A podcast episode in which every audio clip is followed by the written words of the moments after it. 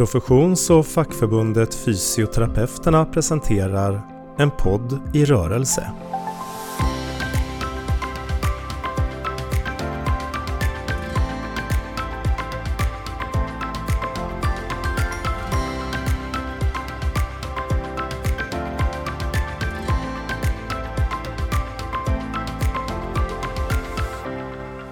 Då vill jag säga välkomna till en podd i rörelse, Fysioterapeuternas podd.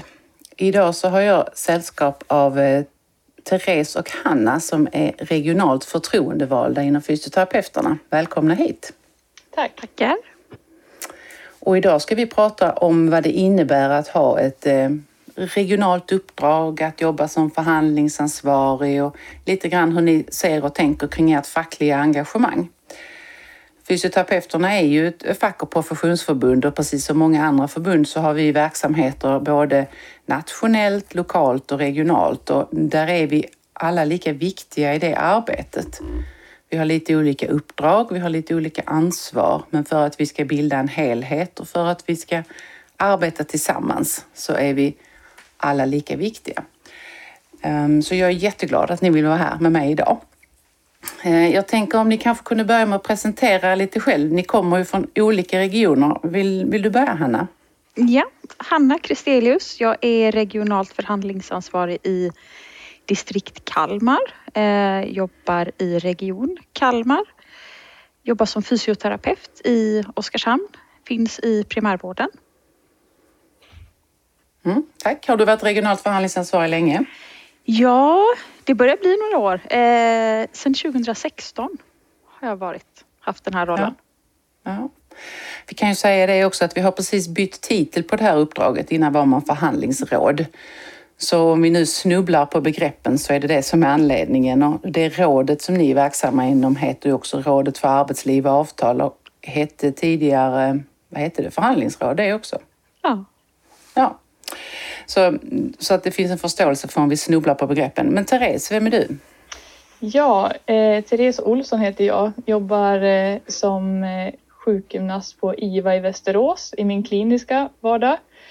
Eh, men jag är ju också regional förhandlingsansvarig i Västmanland då. Eh, och har också haft det här uppdraget sedan 2016, precis som Hanna. Och innan det har jag varit fackligt förtroendevald på arbetsplatsen sedan 2014 och suttit i distriktsstyrelsen sedan 2015. Så att, eh, ja, det börjar bli några år. Mm. Jag tänker att eh, jobba på IVA och vara facklig förtroendevald också, det måste ha varit ett annorlunda år för dig? Ja, det har varit... Man, man var ju mitt i stormen. Både att det skulle öppnas nya avdelningar och vi skulle få en vi, jag ville ju få arbetsgivarna att förstå hur viktiga fysioterapeuter var redan på IVA och inom slutenvården också hur viktig rehabiliteringen var. Så att man kunde liksom inte lägga det fackliga arbetet åt sidan heller utan det var eh, hårt kliniskt arbete och mycket fackligt arbete samtidigt. Så det, mm. var, det var tufft. Ja. Mm. Känner du att det är lite mer hanterbart nu? Absolut. Eh, vården är ju lugnare också för patienterna. Alltså vi, ja. vi har bättre koll på, på, på situationen och det tycker jag också att arbetsgivaren har till och från. Ja, men vad skönt. Ni, det här uppdraget då att vara regionalt förhandlingsansvariga, vad innebär det? Vill du börja Hanna? Ja, men det innebär ju att det är jag som förhandlar med arbetsgivaren och i mitt fall, jag förhandlar enbart med regionen. Man kan göra på lite olika sätt i olika distrikt men, men eh, för, för min del så är det bara regionen och det kan ju vara när eh, vi får nya avtal så är det jag som undertecknar gentemot regionen. Eh, jag är ju högst involverad i, i hela löneprocessen och följer upp och initierar, alltså följer upp allt det som ska göras och är den som då förhandlar eh, med regionen, med arbetsgivaren. Mm, mm. Tycker du att du kan påverka mm, lönerna i det arbetet? Inte så mycket som jag vill. Det är jättesvårt. Nej. Det är väldigt tungrot. Hela det här arbetet. Det, det, det tar ju flera år innan man kommer in i det. Det beror ju på också, tänker jag, hur, hur krattad manegen har varit innan. Hur har det mm. sett ut och vad, hur har föregångaren haft möjlighet att lägga upp det här arbetet? Eh, för min del så var det väldigt svårt och har tagit flera, flera år att, att sätta mig in i. Vad, när ska jag påverka? Vem ska jag mm. påverka? Hur mycket kan jag påverka? Vad är det som egentligen gör, gör skillnad? Var ska jag lägga kraften och mm, energin? Mm, mm. Det, det, tar ju, mm. det tar ju ett tag innan, man, man, eh, eller innan jag har förstått det. Ja, det är mycket strategi och tankearbete tänker jag. Om man, för, för mycket av, om man nu tar lön som en av de sakerna som ni arbetar med så behöver man ju vara taktisk och konkret och strategisk ja. i det arbetet som man gör där. Och väldigt uthållig. Ja. ja. Hur, vad, in, vad, vad tänker du kring uppdraget, Therese? Nej, men jag, tänk, jag känner mig lite så här lokal som spindeln i nätet tillsammans med distriktsstyrelsen, ordförande och de ledamöter som vi har i, i styrelsen. Att man, man får liksom information från medlemmar, man får information från förbundet, man får information från arbetsgivaren om olika processer som är på gång och de där behöver man liksom vara lite på tå. Vilka är det vi ska bevaka och när ska vi eh, kalla till eh, möte? Vilka samverkansforum är det bra att vi är representerade i? Såklart att man skulle vilja att vi fanns i alla, men vi mm. är ju inte ett stort fackförbund och i Västmanland eh, har vi inte täckning på alla samverkansråd och så, så det gäller liksom att, att försöka få medlemmar och fackligt förtroendevalda på arbetsplatser att förstå att vi, vi behöver vara representerade för att kunna få lyfta våra frågor och också få arbetsgivarna att förstå eh, varför det är så bra att satsa på oss fysioterapeuter och att vi trivs och har en bra arbetsmiljö och, och eh, eh, får göra det vi kan för patientens skull, känner jag. Mm. Mm. Ja, det där, ibland blir det där ett sånt där trevligt problem som ska lösas. Eh, det kan jag ju också se ur mitt perspektiv att eh, ju fler som hör talas om oss och ju fler som tycker att vi är en viktig profession, ju fler grupperingar och samtal och referensgrupper och samrådsgrupper ska man vara med i. Mm. Eh, och det är inte alltid som vi är beredda på det. Men det blir ett viktigt arbete att vara med. Mm. Mm. Men ni har ju suttit med som regionalt förhandlingsansvariga i ganska några år båda två. Therese, vad är det som engagerar dig i ditt uppdrag och som gör att du fortsätter? Jag har så många frågor jag vill ha svar på. Det är verkligen det. Jag har så många frågor som jag funderar, varför är det så där och varför gör de så? Och jag kan inte sitta med mig själv och, och fundera på det där. Eller, ibland kan man känna att man, man blir lite irriterad och, och undrar varför saker och ting görs på vissa sätt. Och då, då är det så självklart att engagera sig. Och också hjälpa dem som upplever det jag upplever men kanske inte riktigt vågar lyfta det med sina chefer och så utan att då kan man stötta och göra det tillsammans. Det är verkligen det, att, att få svar på de där frågorna och att det ska vara Alltså vi är på arbetet så himla stor del av vår vecka och av vårt mm. liv. Eh, så det ska vara kul att vara på jobbet och det ska funka bra att vara på jobbet. Och om jag kan vara med och bidra till det så känns det ju gott nog så. Mm, mm. Vad tänker du Hanna? Jag tyckte Therese att du sa det väldigt bra men jag känner också att det är ju på något sätt en möjlighet för mig att, att påverka och ändå påtala brister som ibland mm. finns. Eh, och som jag får till mig att ja, men här har vi ändå ett problem. Hur kan vi tillsammans lösa det eller komma åt det? Hur kan vi jobba eh, utifrån olika mål? Eh, till exempel kring löner. Hur, jobbar man tillsammans eh, med medlemmarna, för medlemmarna. Mm. Ni har varit inne på några saker som ni, ni, har lyft det här med tålamod och kontinuitet och att um, vi kan hjälpa varandra när, vi, när, vi, när man går från en position till något annat. Och det, det är faktorer som är, är, viktiga och som kan underlätta men också försvåra uppdraget om inte det fungerar. Um, vad tänker ni? Um, Finns det någonting annat som ni tänker liksom, men det här, är, det här är svårt i mitt uppdrag till exempel? Vad säger du Hanna? Jag tycker det kan vara jättesvårt för engagemanget hos medlemmarna är ju inte alltid på topp. Eh, det, det, är ibland om det är någon fråga som liksom brinner till, att något som är jätteaktuellt, när det verkligen har hänt, då är man egentligen ute lite grann för sent. Och det är svårt för mig att agera eh, när det väl liksom händer, det blir en, en utryckning. Mm. Kan man då se det på lite längre sikt, men här är det på väg att hända någonting igen. Då är det mycket lättare att påverka och göra det på bästa sätt för alla parter. Än att komma i efterhand att ja, men nu, nu händer det här, nu har vi eh, nu har de stängt den här mottagningen.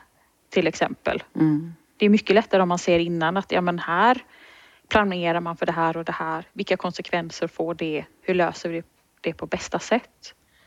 Eh, det blir mycket, mycket lättare eh, och Mm. tänker jag bättre för, för alla inblandade om man kan göra så.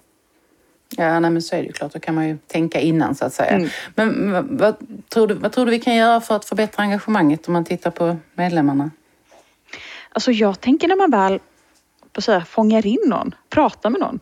Jag tycker fysioterapeuter, vi överlag, vi, vi pratar ju väldigt mycket eh, med varandra, till våra patienter, de vi har runt omkring oss. Så att kommer man väl ut på en arbetsplats och börjar prata i fackliga frågor så är ju folk intresserade.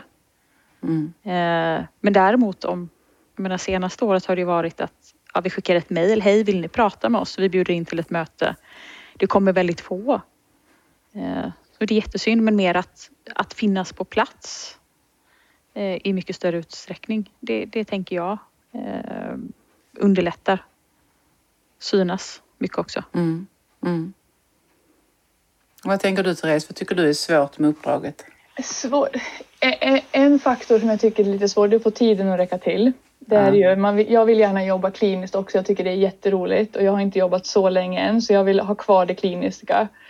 Eh, och då är det svårt att hinna med eh, den här, ta kontakt med eh, lokalt för, förtroendevalda och liksom verkligen sätta sig ner och lyssna på vad är det som är viktigt för dem. Så, så det blir i perioder bättre och i perioder sämre. Så tiden är en, en faktor som begränsar det fackliga uppdraget. Men det som var svårt i början var ju att rita den här fackliga kartan. Vilka, är det, vilka arbetsgivare och vilka beslutsfattare är det som jag ska prata med? Mm. Vilka politiker har ansvar för vilka områden och eh, hur är liksom, ja men Region Västmanland, då? hur, hur är Västmanland som län med kommuner och region? Och en, en primärvård som, som ser kanske annorlunda ut än andra län. Eh, vart, vart är det bästa sättet att, att liksom smita in med sina frågor? Det där tar tid och där behöver man verkligen vara fler. För att eh, jag jobbar inom slutenvården men jag har ju vi är medlemmar och förtroendevalda som jobbar inom primärvården så där behöver vi liksom hjälpas åt för att hitta rätt personer att prata, att prata med. Mm. Det- Det där tycker jag är jätteintressant för relationer är väldigt viktigt. Eh, Dels att andra vet vad vi kan och vad vi gör men också att vi vet vad andra kan och gör och hur vi kan hjälpa varandra och kan vi få någon annan att föra vårt budskap tillsammans med oss och så. Kan, kan du berätta lite kort hur ni har jobbat med det i, i ditt distrikt?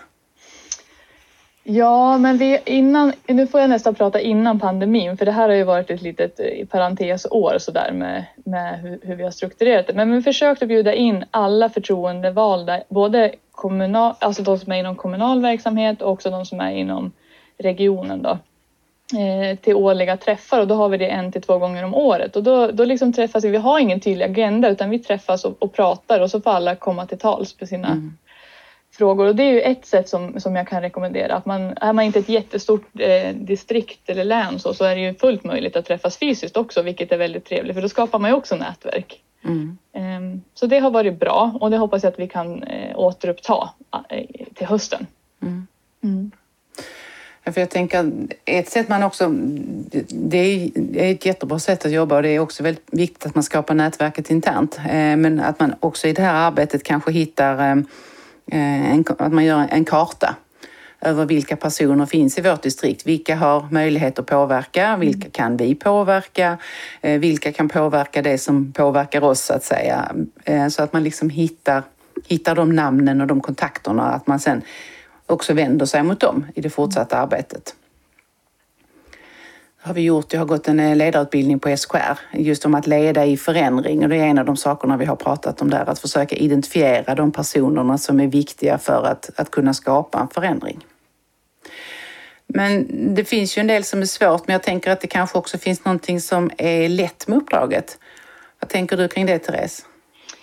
Ehm, jag tänker att det är lätt att prata om fysioterapi för vi är ett professions och ett fackförbund och jag är eh, sjukgymnast är jag då men jag kan mitt yrke men jag kan inte hela yrket. Men jag har kollegor som är fysioterapeuter eller sjukgymnaster som kan sitt yrke och bara jag pratar med dem så kan jag liksom företräda medlemmar eh, på ett bra sätt tycker jag.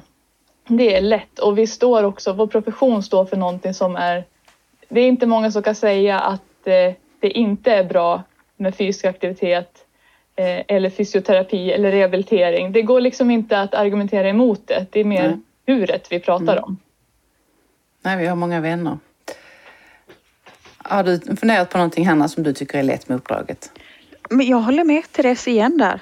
Det är väldigt lätt mm. och man, vi blir väldigt, eller jag blir väldigt lyssnad på. Uh, ja, hej Hanna, jag är fysioterapeut, representerar fysioterapeuterna. Uh, numerärt uh, små är vi ju, men vi finns överallt.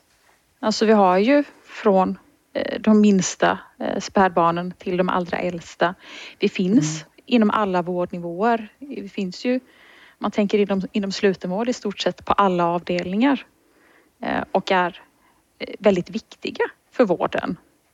Mm. Eh, så att det, det, är ingen som, som ifrågasätter när, att vi ska finnas med i olika samverkansforum på, på egentligen ingen nivå.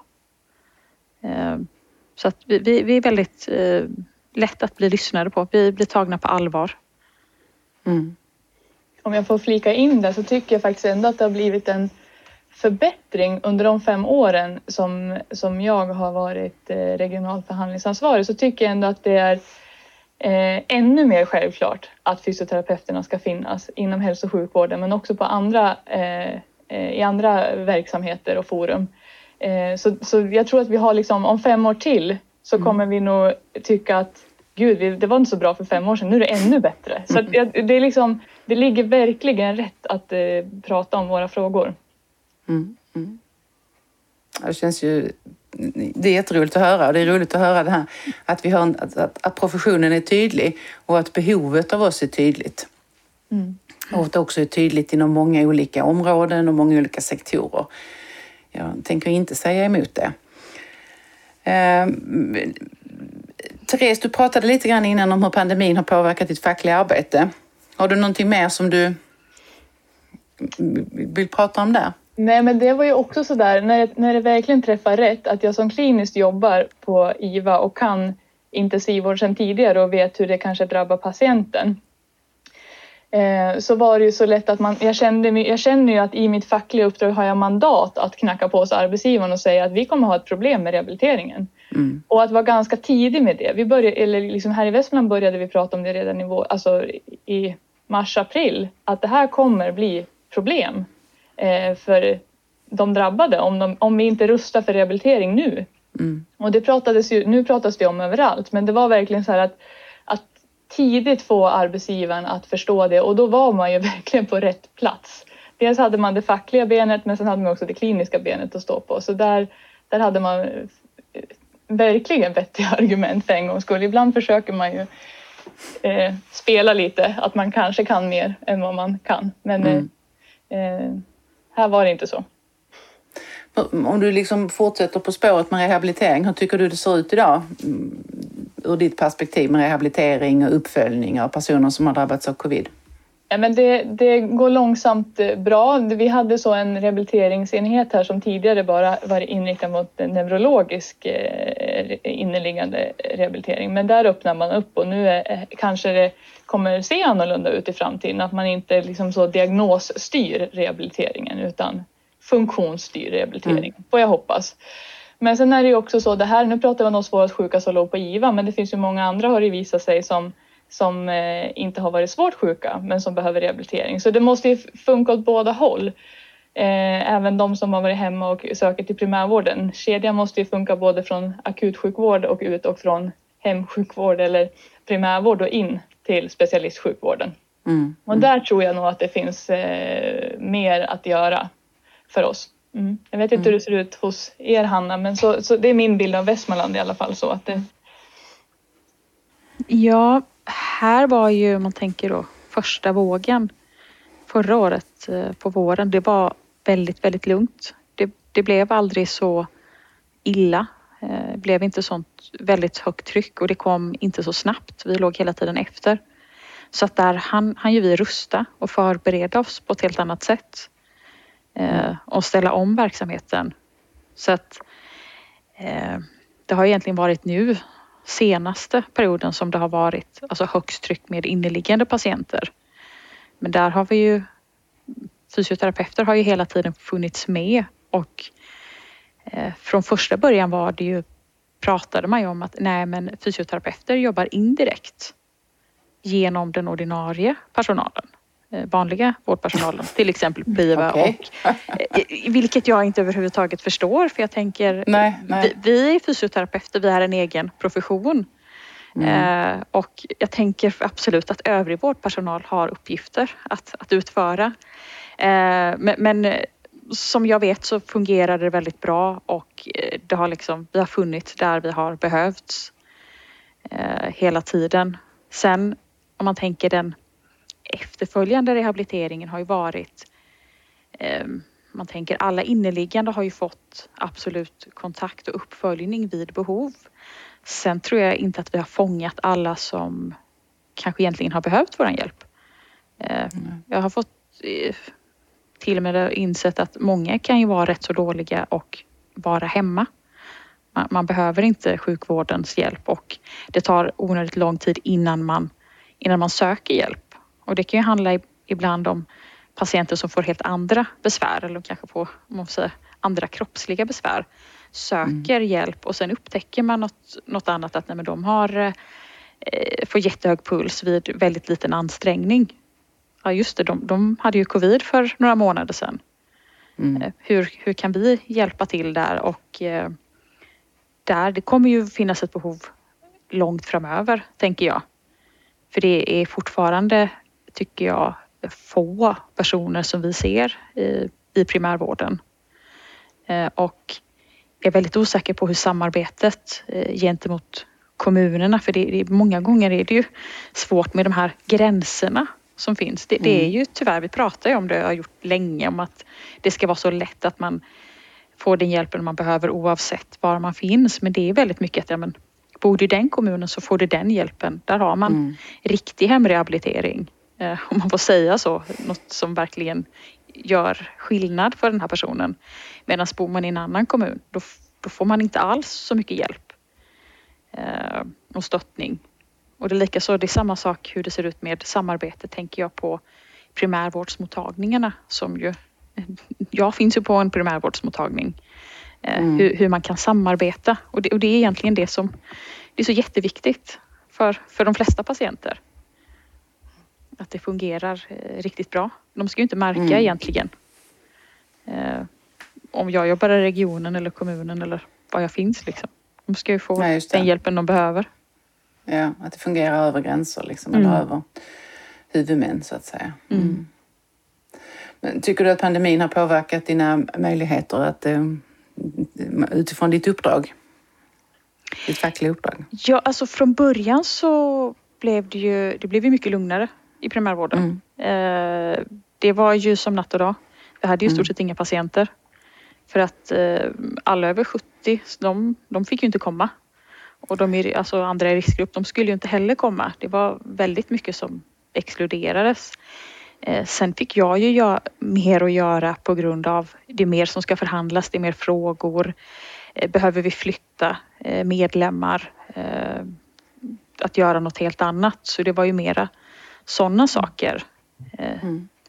Så att jag fick väl eh, det var ju bra för min del att det kanske inte var så mycket patientflöde för då är det ju lättare att mm. få tid till det fackliga och kunna mm. lägga det och ta de kontakterna som behövs eh, mot, mot, medlemmar.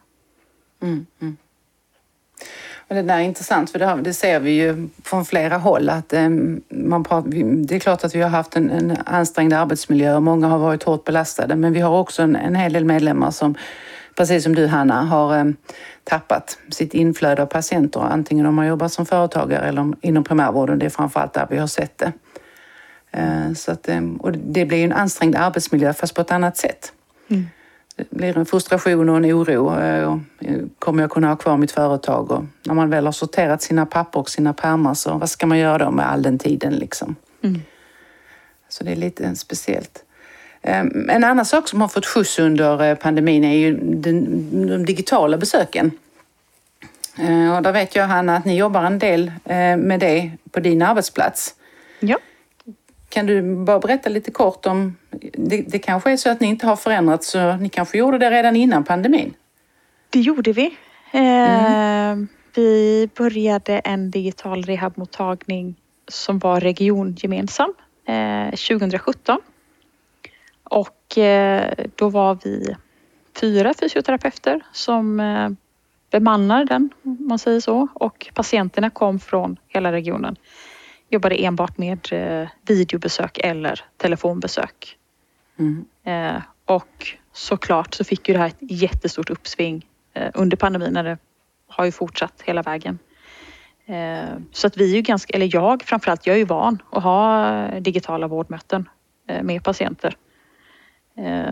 Så att för mig har inte det varit en jättestor omställning att träffa patienter på video. Jag hade ju gjort det men det har ju varit betydligt enklare. Eh, och eh, de flesta är ju så väldigt vana med, vid det här nu. Det är inga mm. konstigheter att, att man kopplar upp sig och eh, har ett, ett möte med vården eh, på video. Nej. Men ni, ni, träffar, finns det, ni träffar alla patientgrupper digitalt? Alla erbjuds det eller? Ja, alltså det här har ju varierat lite grann. Eh, I perioder har det ju varit eh, de som det enda som i stort sett har tagits in på mottagning har ju varit det som räknas som en förtur. Eh, eller akut då. Och eh, mm, mm. annars har man erbjudit telefon eller videobesök. Mm. Eh, så det, det, varierar ju och vissa tycker att det är toppenbra. Och, och vissa tycker det är jättekonstigt och det, det händer ju tyvärr att en del tackar nej. Mm. Eh, för jag ser ju inte det här som att, att om jag har ett videobesök idag eller imorgon med en patient så motsätter inte det på något sätt att vi har ett fysiskt besök om två veckor. Eller om jag har ett fysiskt besök idag och sen har jag ett digitalt besök nästa vecka om det behövs. Att, att vi börjar bli, vågar vara mera digi fysiska. Mm. Eh, och våra händer och, och, och, det vi, vi ser och så känner är ju jätteviktigt eh, i vårt yrke men jag känner att vi går mer och mer mot en, en kanske mer coachande, guidande, stöttande eh, del mot våra mm. patienter. Och, och, där handlar det om kontakten med patienten. Det, är inte, det spelar ju oftast ingen roll eh, om jag har personen på rummet eller om jag har den på skärmen. Det kan ju vara lättare mm. på rummet eh, men, men in, inte alltid. Nej, men det är spännande. Men jag tänker så här också, nu har ni varit fackligt förtroendevalda eh, ett tag och ni har haft de här olika uppdragen och så. Men om, om jag nu är fysioterapeut som kanske är ny på en arbetsplats eller nyutbildad och är lite sugen ändå på att bli fackligt förtroendevald och tycker att det här med facket verkar ganska roligt. Um, om jag då kommer och frågar dig, vilka råd skulle du vilja, skulle du vilja ge mig? Förutom att säga att jag självklart ska bli det, tänker jag. Men eh, vad skulle ni annars vilja ge mig för råd? Vad tänker du Therese? Eh, nej men eh, alltså det är bara att kliva på. Det är verkligen så. Kliv på och sen så, så hänger man bara med. nej, men alltså för, för, för att man, dels lär man sig mycket om man går de här fackliga kurserna. De är alltid bra för en själv också. Att man vet mm. vad jag har för rättigheter och även skyldigheter på, som anställd. Men man får också sitta med i forum som samverkans, eh, på olika samverkansnivåer.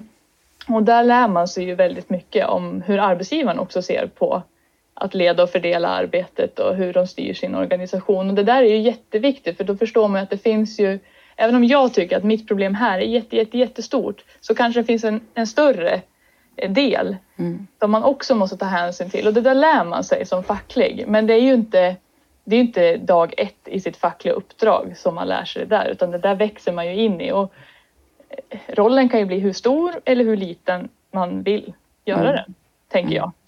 jag. Jag klev på det här och tyckte att ja, jag ska väl säga, det är ju, det är ju, det är ju bra att vara fackligt förtroendevald. Det ska ju någon vara på arbetsplatsen. Men sen har det vuxit och det, det har blivit mycket, mycket större än vad jag tänkte från början.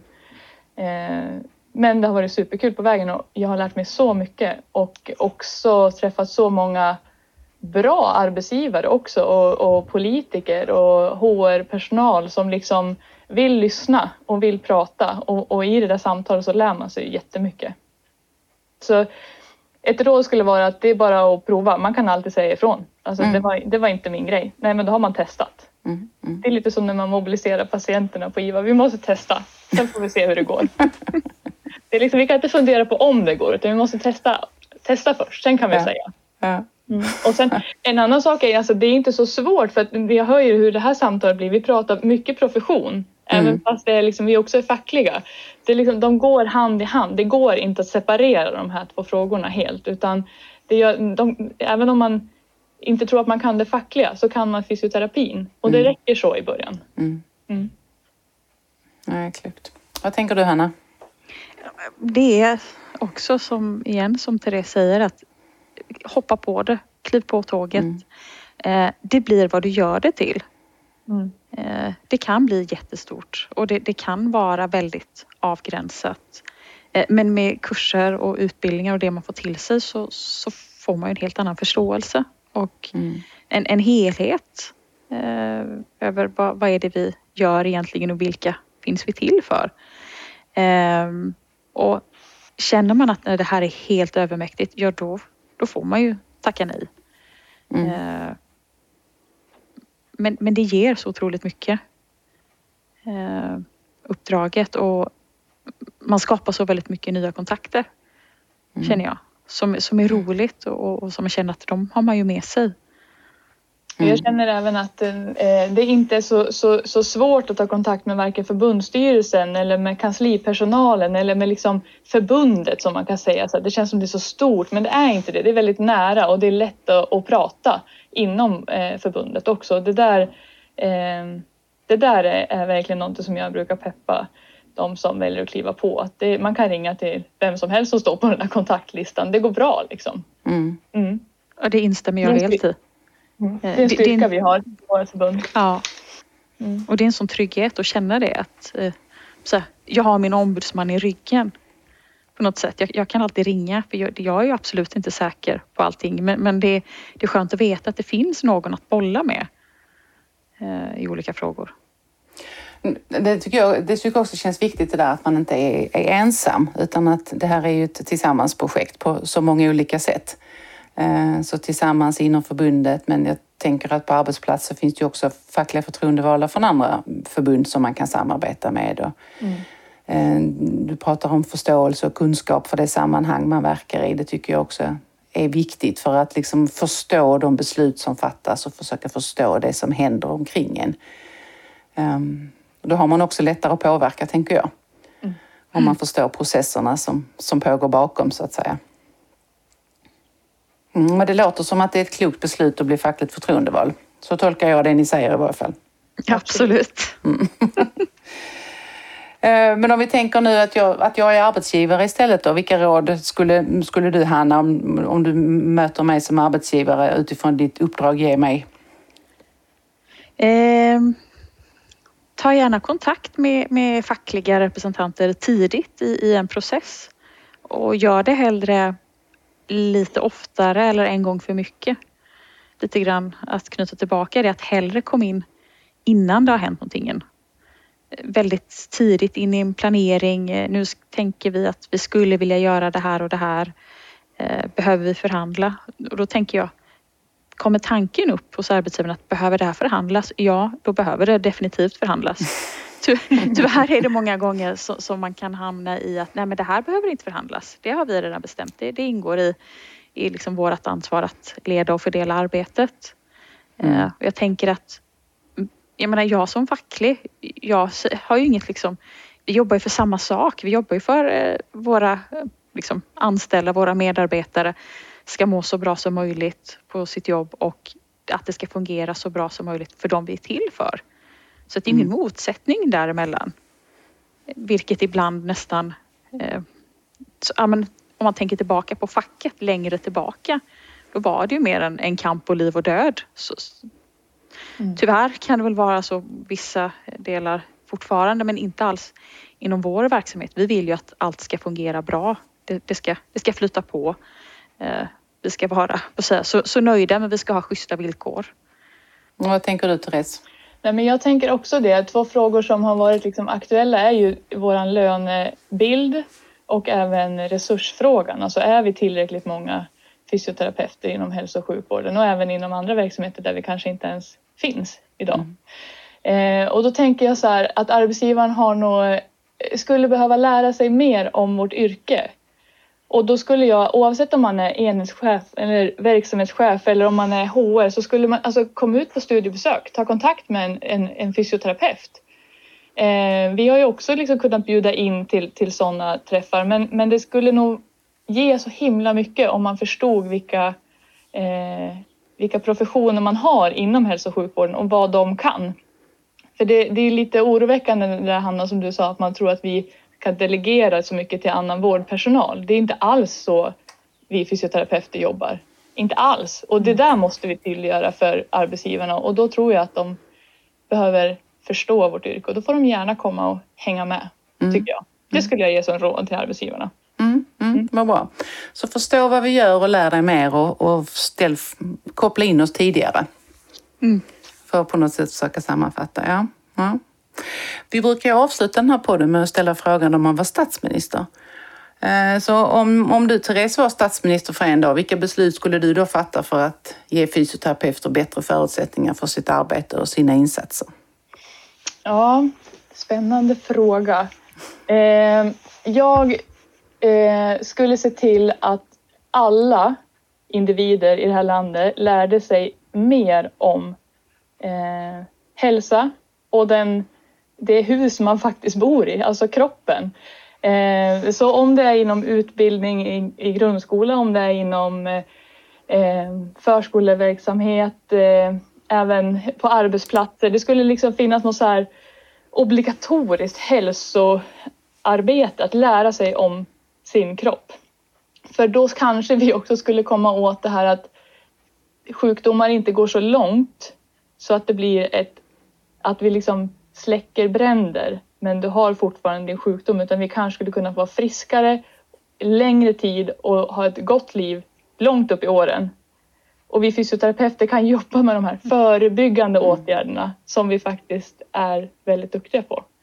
Så, så mer, jag vet inte liksom exakt så vem, vad jag skulle fatta för beslut, men mer kunskap om hälsa, om kroppen och om vad den mår bra av och vad den inte mår bra av.